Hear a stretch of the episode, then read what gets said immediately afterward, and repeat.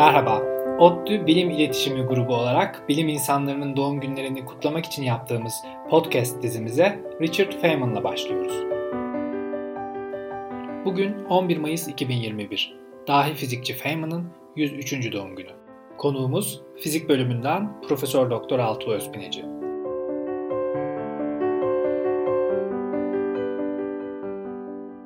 Hocam merhaba. Feynman bir efsane ve modern fiziği tanımlayan bilim insanlarından biri. Böylesine ikonik ve çok yönlü bir bilim insanını özetlemek zor. Ancak tanımayanlar için Feynman'ı kısaca anlatmak gerekirse neler söylersiniz? Feynman ünlü bir teorik fizikçi. E, lisans eğitimini MIT'de yapıyor. Daha sonra doktora için Princeton'a gidiyor. Princeton'da e, yine ünlü fizikçilerden Wheeler'ın öğrencisi. E, Princeton'dan sonra bir süre Cornell'de kaldıktan sonra 1950'den e, sonra da e, Caltech'te profesör olarak araştırmalarına devam ediyor. Vefat edene kadar da Caltech'te çalışmalarını sürdürüyor. E, uzmanlık alanı temel parçacıklar ve onların etkileşimi ama yani genel olarak aslında doğanın nasıl e, çalıştığını anlamaya çalışan yani her e, bakımdan nasıl çalıştığını anlamaya çalışan e, bir fizikçi ve kendisini pek de öyle tek bir alanla da sınırlayan biri de değil yani o, o dönemde neyi merak ediyorsa onun peşinden giden bir bilim insanı. Mesela 7. yıl izninde virüsler virüsler üzerine çalışmalar yapan bir bilim insanı. Ee, önemli katıldığı önemli projeler arasında mesela e, atom bombasının e, yapıldığı, ABD'nin atom bombası yapmak için e, başlattığı Manhattan projesi var. Bu projede e, çalışmalar yapıyor. E, bir taraftan da e, aslında otoriteyle e, askerlerle arası da çok iyi değil. E, ve e, devlet sırlarının saklandığı e, kasaları açıp içine ufak tefek notlar, e, isimsiz notlar e, bırakan biri. Ee, başka bir e, bilinen bir e, katkısı mesela Challenger faciası e, hatırlarsanız işte bir Challenger uzay roketi fırlatıldıktan kısa bir süre sonra patladı. Neden olduğunu, bu patlamaya neyin sebep olduğunu araştıran komisyonun başkanlığını yapan ve bulduğu bulunan sonuçların da herkesle paylaşılmasını sağlayan fizikçi fizikçi. Hocam peki popüler anlamda örneğin Einstein'ın görelilik kuramıyla, Hawking'in kara deliklerle ilgili çalışmalarıyla bilinmesi gibi Feynman'ın çalışma alanlarından birini öne çıkarmak istesek bu hangisi olur? Muhtemelen fizik eğitimi gören ya da fizikle ilgilenen kişilerin e, Feynman'ı ilk duyduğu şey Feynman diyagramlarıdır. Yani bir herhangi bir alandan ziyade e, hesap yapmamızı oldukça kolaylaştırdı. Yani hatta o kadar ki ilk bu kuantum alan teorileri işte parçacık temel etkileşimleri, parçacıkların etkileşimlerini anlamak için geliştirdiğimiz kuramlar e, ortaya çıkmaya başladığı zaman çoğu zaman hesapları yapmak e, aylar sürebiliyordu. İnsanların aylarca e, özel durumlar için aylarca süren hesaplamalarını Feynman bir öğleden sonra e, en genel durum için yap, yapabilmenin yolunu buldu ve e, bunu oturup e, karmaşık integraller, karmaşık e, matematiksel e, yöntemler kullanmaktansa sadece diyagramlar, şekiller çizerek e, yaptı. Böylece e, etkileşimlerin nasıl olduğunu e, daha iyi anlamaya başladı. Yani matematikte çok iyi olmasanız bile etkileşimleri e, hesaplayabiliyorsunuz artık. Bir diğer önemli katkısı e, Feynman'ın yol integrali diyebileceğimiz e, bir hesaplama yöntemi.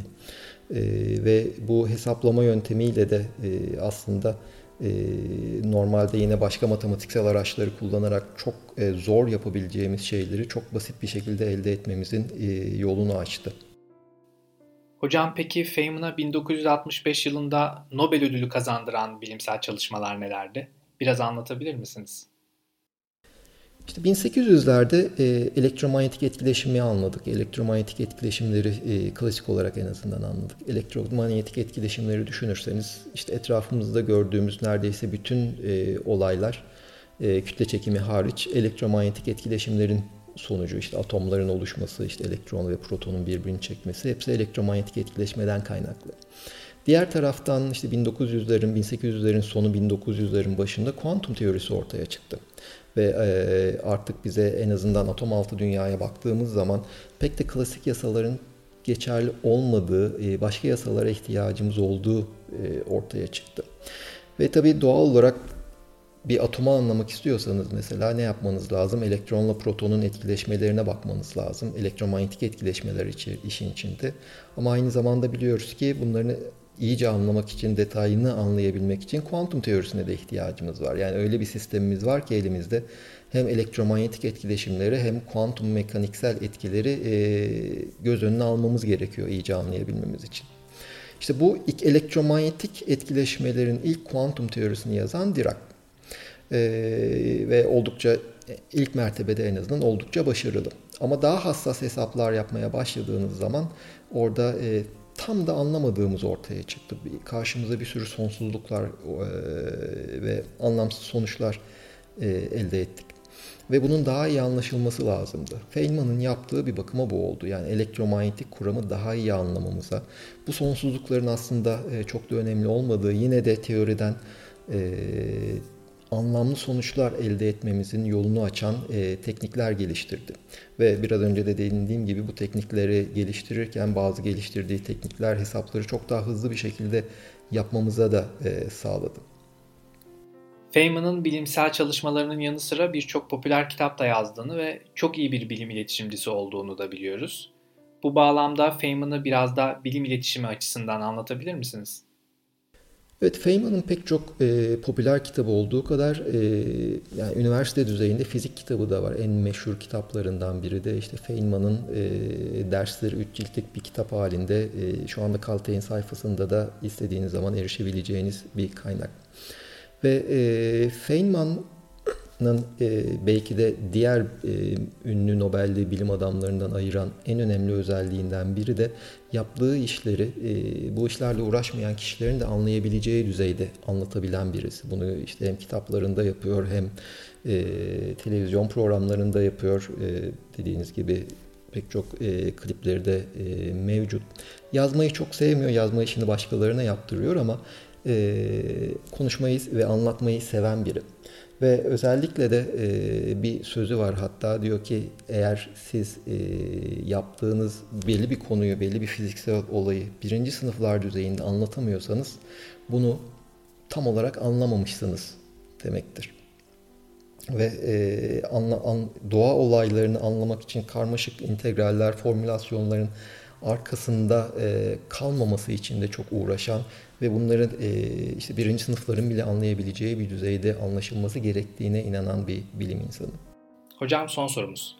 Fizikçi Brian Cox bir Feynman biyografisine yazdığı ön sözde herhangi bir üniversitenin fizik bölümünde insanlara en sevdikleri fizikçi sorulduğunda en çok Feynman yanıtının alınacağını, ikinci sırada ise Einstein'ın geleceğini söylüyor. Aynı soruyu size yönelsek yanıtınız ne olur?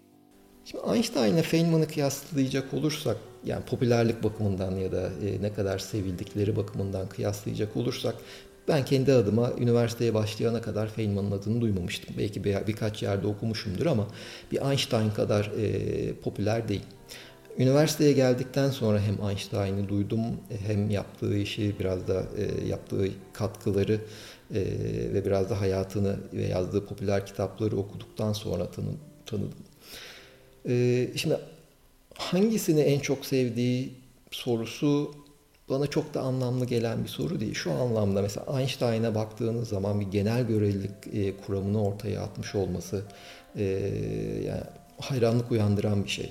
Einstein, e, benzer şekilde Feynman'a baktığınız zaman Feynman'ın çok komplike fizik olaylarını ne kadar basitleştirebileceği, basitleştirebildiğine baktığınız zaman o e, inanılmaz bir beceri. Benzer şekilde işte pek çok diğer bilim adamları için yani sev, sevip sevmemekten ziyade e, yaptıkları hayranlık uyandıran çalışmalar var ve Feynman yani benim açımdan dediğim gibi e, çok karmaşık konuları çok basitleştirebilen biri ve e, bu bakımdan hayranlık duyduğum biri.